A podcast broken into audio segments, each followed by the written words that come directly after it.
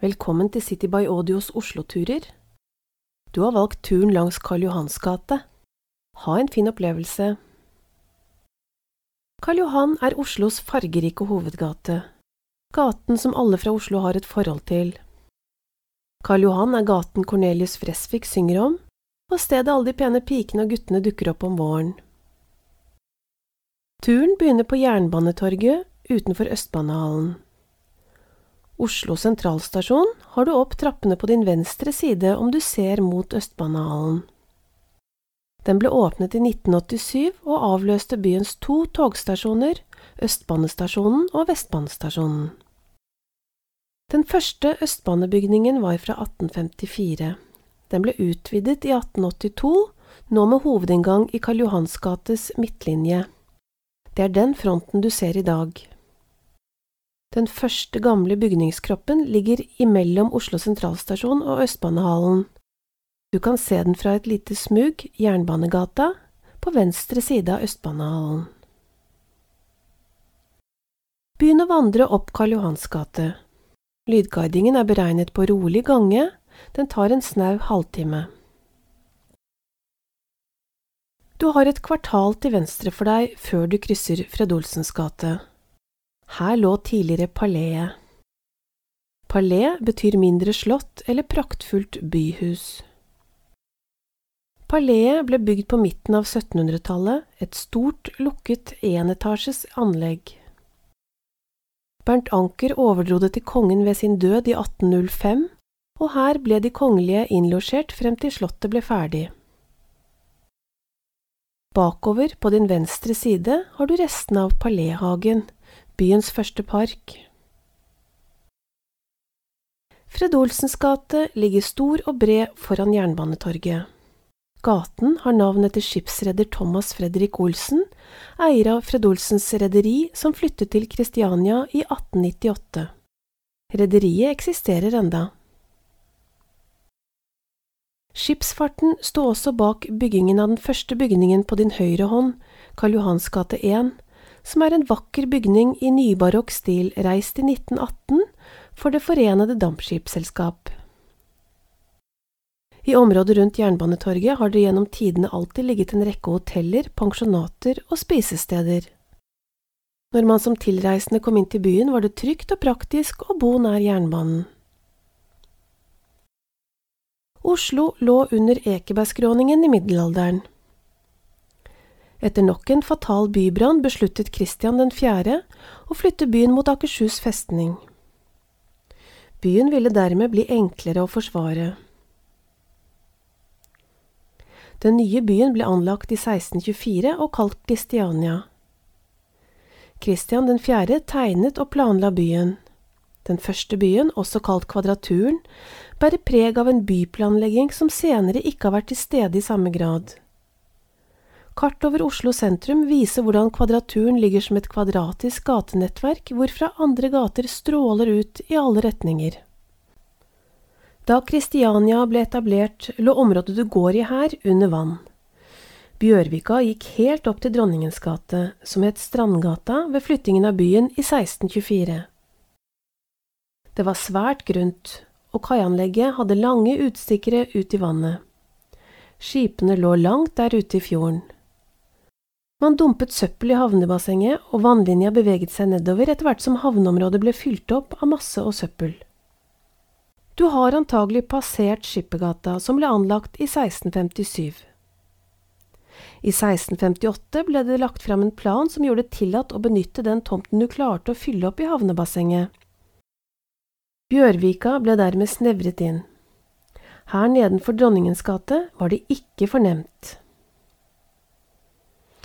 På høyre hjørne før du når Dronningens gate, har du inngangen til Arkaden, et shoppingsenter som sto ferdig i 1983, og som er eid av Olav Thon. Kvadraturen endte i Dronningens gate mot sjøen. Dronningens gate var det fornemste strøket i Kristiania. Kristian 4. anla de fineste tomtene med de største kvartalene her nede ved havna i Bjørvika. Det var her de rikeste kjøpmennene fra den gamle byen Oslo fikk tomter. Det var også de som eide skipene. Du kan se at kvartalet mellom Dronningens gate og neste gatekryss, der Kirkegata krysser Karl Johan, er svært stort. På din høyre hånd får du basarhallene, som opprinnelig ble bygd som slakteboder. Det høye tårnet er brannvakta. Det var byens hovedbrannstasjon helt frem til 1939. Basarhallene og brannvakta ble anlagt samtidig av arkitekt Grosch, og sto ferdig i 1856. Grosch var statskonduktør, dvs. Si byplansjef, og tegnet nesten samtlige av alle de store prestisjetunge offentlige bygningene som ble bygd midt på 1800-tallet, med unntak av Slottet. På din venstre hånd etter brannvakta ser du bokbinder Hoppes hvite gård fra 1858 med en særdeles vakker fasade. Arkitekten var von Hanno, som står for flere praktbygg i Oslo. På 1840-tallet var det en periode hvor alle stilarter var lov, historismen. En del bygninger var i middelalderstil, rundbuet og upusset, slik som brannvakta og basarhallene. I ettertid ble de ofte kritisert, og disse bygningene holdt på å bli revet to ganger. Første gang i 1901. Da planla man å bygge børs her. Andre gang i 1937 fordi bystyret hadde en idé om å gi mer luft rundt domkirken. Oslo domkirke, Vår Frelsers kirke, har du inn til høyre etter basarhallene. Den ble bygd her rett utenfor vollene etter at Trefoldighetskirken ble revet inne i Kvadraturen. Den ble innviet i 1697. Mye av materialene ble gjenbrukt fra Trefoldighetskirken, men denne kirken er bygd i en mye enklere form enn den opprinnelige kirken. Etter at du har krysset Kirkegata, har du Karl Johans gate 14, det som var byens første posthus på din venstre hånd. Byens hovedpostkontor lå her fra 1869 til 1924. Da flyttet hovedpostkontoret til Dronningens gate 15. TV 2 holder til i bygningen Karl Johans gate 14 i dag. Da TV 2 fikk konsesjon til å starte opp som Norges andre allmennkringkasterkanal i 1992, var et av kravene at de skulle ha hovedsete i Bergen. Lokalkontoret her i Oslo er anselig. Den neste bygningen på din venstre hånd ble standsmessig bygd til generalkonsul Peter Petersen. Gården var på sin tid preget av komfort og bekvemmeligheter slik som sentralvarmeanlegg, vannklosetter, uterom med kjeglebane på taket osv. Du kommer etter hvert til den kryssende Kongens gate. Kongens gate var en hovedgate i Kvadraturen. Det var her hovedbyporten lå i Kvadraturen, Store Vollport, ut mot det som etter hvert ble byens torg, Stortorvet. Stortorvet tok over som byens torg offisielt i 1736. Før dette lå byens torg utenfor det gamle rådhuset i Kvadraturen. Vollporten ble revet i 1718. Etter krysningen av Kongens gate får du Kredittkassens nybygg fra 1970 på din høyre hånd. Bygningen er trukket tilbake fra gatelivet, noe som ødelegger gateløpet og forstyrrer bybildet. Du kommer senere til Nedre og Øvre Slottsgate. Disse het Slottsgade og Rådhusgade i Kvadraturen. I Kvadraturen het det som i dag er Rådhusgata, Rådhusstrædet, så man skilte mellom gader i den ene retningen med kryssende stræder slik man også gjorde i middelalderbyen Oslo med streter og allmenninger. Kristiania ble anlagt samtidig med Ny Amsterdam, som senere ble hetende New York.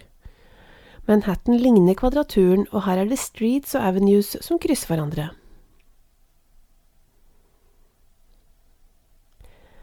Den neste gaten som krysser Karl Johans gate, er Nedre Slottsgate. Legg merke til kjerubene som tilsynelatende bærer hjørnet med tårn på bygningen som ligger på din høyre hånd, når du har krysset Nedre Slottsgate. Det er mye å se når man løfter blikket i byen. Karl Johans gate var egentlig ikke en gate i Kvadraturen, kun et mellomrom mellom den anlagte byen og volden rundt det første Kristiania. På hjørnet på din høyre hånd før du krysser Øvre Slottsgate, lå hanskebutikken Hallén i nesten 100 år. Interiøret er fredet. Serveringsstedet Tre Brødre ligger her i dag. Hjørnegården på din venstre hånd er oppført av gullsmed Tune i 1860, og firmaet holder til her enda. På taket ser du byens første lysreklame, Freia-reklamen fra 1911. Når du passerer Øvre Slottsgate, ser du til venstre Horngården fra 1929 bak T-baneoppgangen. En prisbelønnet og fredet funksjonalistisk forretningsgård som regnes som et hovedverk i norsk funkisarkitektur. Horngården skulle blitt byens første skyskraper. Den ble tegnet i 13–14 etasjer, men det ble ikke gitt tillatelse til å bygge den høyere enn i åtte etasjer. Egertorget, på din venstre side, er en utvidelse av gateløpet mellom Øvre Slottsgate og Akersgata, og har egentlig aldri hatt noen torgfunksjon. Egertorget er kalt opp etter brødrene Eger, som eide gården der David Andersen ligger nå, litt videre på samme side.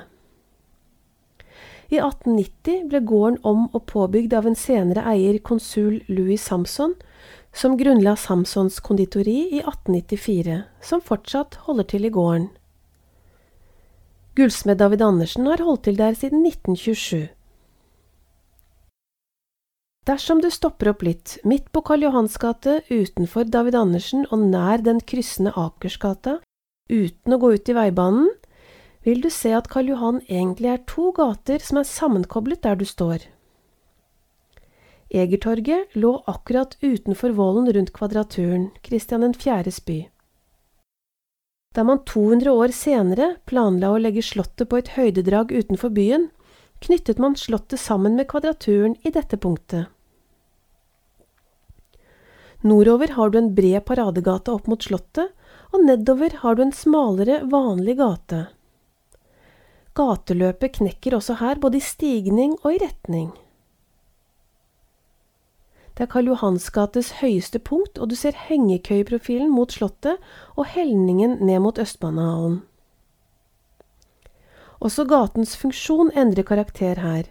Paradegaten preges av offentlige bygninger som storting, universitet og slott, mens gateløpet østover preges av forretninger.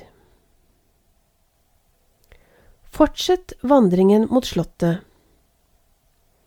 Akersgata, som du umiddelbart får på din høyre hånd, var et opprinnelig tråkk opp til Akersbygda og Gamle Aker kirke. Gateløpet har alltid vært smalt. I nyere tid har man løst det ved å trekke fortau inn i bygningene. Paradegaten opp til Slottet, Slottsveien, ble anlagt omtrent 1840. Den ble hetende Karl Johans gate i 1852, åtte år etter Karl Johans død. Hele gateløpet ble oppfattet som en sammenhengende trasé etter hvert, og hele gateløpet fikk navnet Karl Johan i 1860. Du får Tostrupgården som ligger skrått ut med hovedfasade mot Stortingsplassen på din høyre hånd. Dette forretningspalasset ble bygget i 1890-årene for Jacob Tostrups juvelerforretning. Arkitekten Torolf Prytz hadde vært i Chicago og blitt inspirert der. Tostrupgården er konstruert som en skyskraper. Den var veldig moderne for sin tid, med heis og elektrisk lys. Den har stålkonstruksjon, forblendet fin hugget sten og formspråk fra Chicago. Materialbruken er eksklusiv med marmor og forseggjorte smjernsarbeider. En tid holdt Tostrup-gårdens privathotell til i bygningen, og hotellets mest kjente langtidsbeboer var bohemen Hans Jæger som bodde her fra omkring 1906 til han også døde her 8. februar 1910. Du har stortingsbygningen på din venstre hånd. Katedralskolens lokaler i Dronningens gate 15 ble lenge brukt til Stortingets møter, fra 1814. Et par år etter at universitetet åpnet, flyttet møtene dit. Man diskuterte en egen bygning i mer enn 20 år, og det ble besluttet i 1860. Etter litt dragkamper om hvilket utkast man skulle velge, endte man med dagens bygg, tegnet av arkitekt Langlet. Stortinget ble oppført i 1866 som den siste i serien av offentlige bygninger som gjorde byen til ordentlig hovedstad. Da hadde vi børs, kirke, slott, universitet og til dels regjeringsbygg. Foran Stortinget ligger Løvebakken ned til Karl Johan og Stortingsgata. Nederst i hver bakke ligger en granittløve på en sokkel.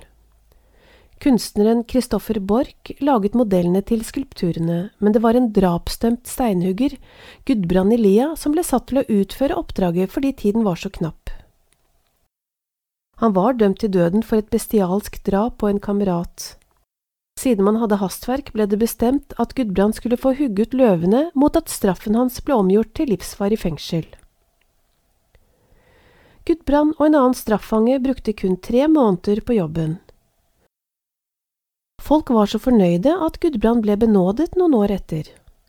Løvene er i dag et kjent innslag i bybildet. Karl Johan er Oslos paradegate. Her har byens 17. mai-tog gått opp til Slottet i mer enn 100 år, og her går bilkortesjer når vi har statsbesøk. Celebre utenlandsgjester bor gjerne på Grand Hotell, som du får på din høyre hånd. Hotellet har blant annet hatt alle nobelprisvinnerne boende gjennom årene. Hotellet åpnet i 1874. Fasaden er New Louis Says med jugendinnslag, og på toppen kroner et karakteristisk klokketårn fra 1913. Hotellet har en rekke flotte festsaler, og det har den kjente Grand Café. Grand Café har gjennom tidene vært stamstedet for mange kunstnere, deriblant Henrik Ibsen, som gjennom en årrekke kom regelmessig til sitt faste bord ved tolvtiden. Blant andre stamgjester kan nevnes Hans Jæger, Bjørnstjerne Bjørnson samt Oda og Christian Krogh. Utenfor kafeen begynner en rekke Ibsen-sitater som er lagt ned i fortauet. Ta gjerne den lydguidede turen i Henrik Ibsens fotspor, og hør mer om disse. Etter Grand Hotell ligger det en serie med nyere utesteder oppover på din høyre hånd. Til venstre for deg ligger Eidsvolls plass, i dagligtale kalt Spikersuppa. Eierne av bygårdene du har på din høyre hånd i Karl Johans gate, ønsket å holde området på motsatt side åpent og kjøpte sammen eiendommen. Den ble derfor i starten kalt Huseiertomten. De ga tomten til staten som park i 1858 på betingelse av at det ikke skulle oppføres bygninger der. Kommunen overtok parken i 1889. En av de store arkitektene våre på 1900-tallet, Arneberg, anla i 1956 bassenget med fontenene i midten. Dette ble bekostet av Christiania Spikerverk, derav navnet Spikersuppa. På din høyre hånd får du først Scene Vest Victoria, der kinoen Victoria Teater ble etablert i 1915. Etter det følger kjøpesenteret Palais, som holder til i Karl Johans gate 37, 39, 41 og 43. Den første bygningen, i nummer 37, ble bygget i 1869 av Thorvald Meyer, byens rikeste mann på den tiden. Huset ble regnet som byens flotteste palé, derav navnet. Oslo Handelsstands Forening overtok Karl Johans gate 37 etter Thorvald Meyers dødsbo i 1910. På 1980-tallet startet arbeidene med Oslotunnelen for togtrafikk mellom øst og vest. Dette førte til setninger og sprekkdannelser i husrekken som i dag rommer Palais kjøpesenter. Eksperter mente at bygningsmassen ikke sto til å redde. Løsningen ble å rive gårdene, bygge høyt i bakgården og sette opp kopier av de originale fasadene mot hovedgaten. Et kjøpesenter mellom Slottet og Stortinget krever stil og et visst nivå på forretningene som skal være der. Kjøpesenteret Palais slik vi kjenner det i dag, sto ferdig høsten 1990. Kunstnerrestauranten Blom lå i Palais helt frem til for noen ganske få år siden. Restauranten hadde en historie fra helt tilbake til 1870-tallet, og interiøret og atmosfæren var den samme i 130 år. Nå har man ofret historien og anlagt en damekonfeksjon der den ærverdige kunstnerrestauranten Blom lå. På din venstre hånd kan du kanskje se statuen av Henrik Wergeland som ble avduket på Eidsvolls plass 17. mai i 1881. Hans engasjement har mye av æren for vår 17. mai-feiring, og han holdt 17. mai-talen for byens første tog i 1833. Toget gikk da til Krogstøtten utenfor Oslo legevakt i Storgata. På din høyre hånd har du Oslos Hardrock kafé i bygningen som kalles Groschgården, etter eieren, statskonduktøren med alle arkitektoppdragene i byen på midten av 1800-tallet. Arvingene hans rev den opprinnelige gården og satte opp denne med det karakteristiske sylindriske hjørnetårnet. Tidligere lå Hotell Westminster her, hvor Bjørnstjerne Bjørnson bodde når han var i Oslo. Når du krysser Universitetsgata, har du rådhuset rett til venstre. Rådhuset ble innviet i 1950 etter en byggeprosess på 30 år. Arkitektene var Arneberg og Paulsson. Innvielsen skjedde i forbindelse med byens 900-årsjubileum i 1950. Senere fant man ut at byen var eldre og vil feire tusenårsjubileum i år 2000. Du har hovedinngangen til Nationaltheatret på din venstre side. Foran hovedinngangen står statuer av våre ypperste forfattere. Henrik Ibsen lengst bort og Bjørnstjerne Bjørnson nærmest. Deres liv ble tett sammenspunnet. Henrik Ibsens sønn var gift med Bjørnstjerne Bjørnsons datter. De var venner, kollegaer, men også rivaler. Du kan høre mer om disse to kollegaene og rivalene i turen i Henrik Ibsens fotspor. Bjørnstjerne Bjørnsons sønn, Bjørn Bjørnson, var den første sjefen på Nationaltheatret når det ble etablert i 1899. Nationaltheatret tok da over rollen som nasjonal hovedscene etter Christiania Teater.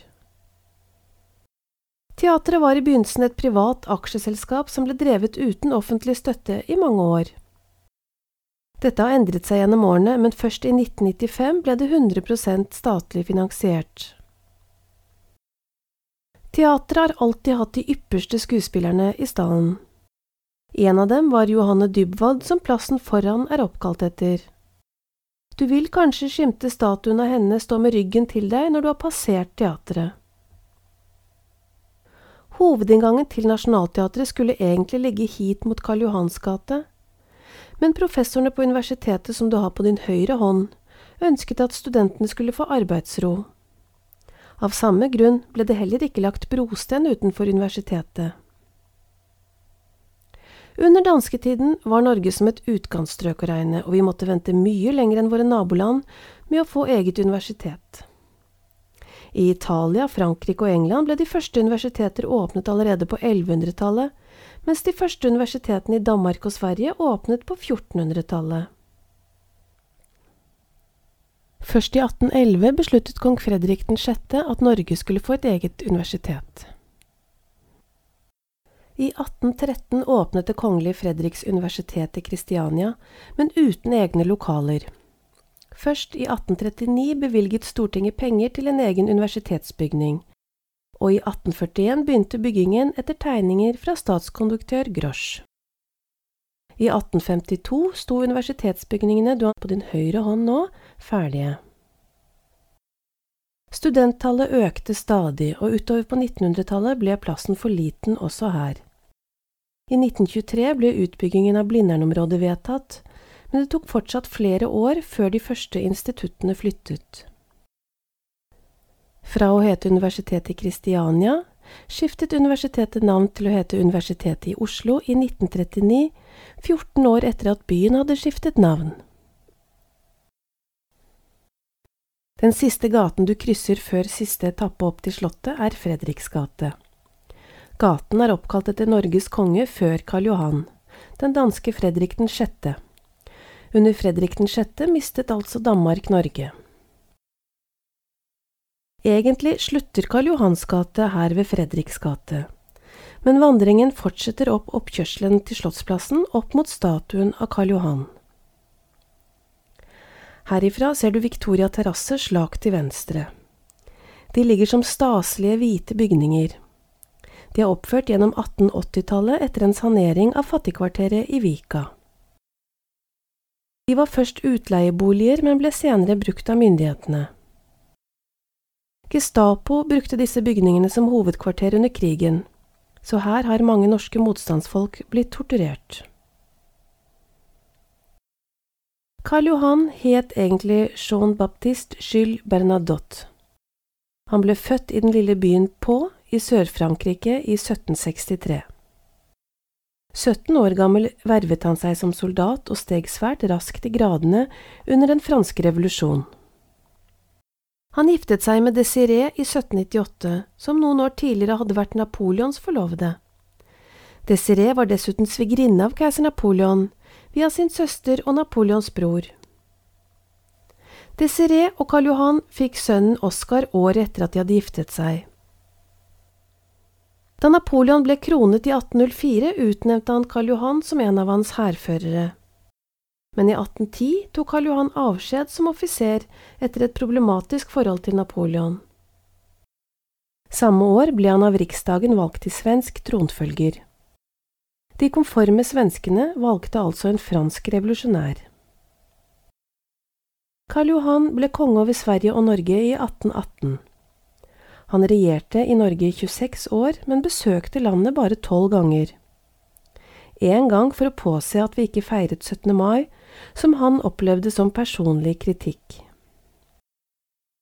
Han hadde sine konfrontasjoner med Stortinget knyttet til kongens krav om absolutt vetorett, rett til å styre ved hjelp av anordninger, rett til å avsette embetsmenn osv.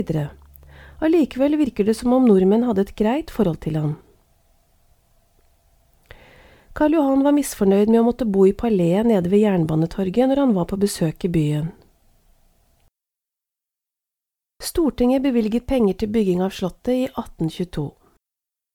Det var mange forslag til beliggenhet, men det var Karl Johan som til slutt avgjorde diskusjonen og bestemte hvor Slottet skulle ligge.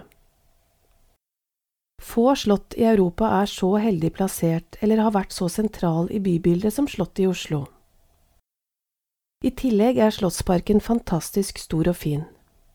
Det er byens største park, og med sine 2000 trær og to små vann er den mere som en skog å regne. Arkitekt Lindstov fikk i oppdrag å tegne kongeboligen. Grunnstenen ble lagt ned i 1825. Etter kort tid var budsjettet brukt opp og arbeidet stoppet opp. Slottet var da ikke stort mer enn en grunnmur som ble stående i ni år før Stortinget bevilget mer penger, og da til en redusert plan. Et amputert bygg i forhold til planen sto først ferdig i 1845. Karl Johan døde året før, i 1844, han rakk dermed ikke å oppleve det ferdige slottet. Sønnen Oskar tok over tronen som kong Oskar den første. Han var verken fornøyd med utseendet eller størrelsen på slottet. Stortinget bevilget penger til å bygge det om, og det fikk den opprinnelige tempelfronten som var planlagt, og sidefløyene ble forlenget. I 1849 ble slottet erklært ferdig. Bygningsarbeidet tok dermed drøye 26 år. Karl Johan endte som statue i enden av Karl Johans gate ved Slottet i 1875. Turen avsluttes på vei mot statuen. På sokkelen står det Folkets kjærlighet, min belønning. Men hvor lett er det egentlig å elske en autoritær fransktalende svenske? Vi bør uansett være takknemlige for Karl Johans gate. Som Oslo-borger tar man for gitt at alle byer har en vakker, markert hovedgate, en Karl Johan, og man forundres stadig når man opplever at dette slett ikke nødvendigvis er tilfellet. Strekningen fra Stortinget til Slottet har blitt kalt Nordens Champs-Élysées, og det er kanskje fortjent? Takk for turen, prøv gjerne en annen lydguidet tur om du fant dette interessant.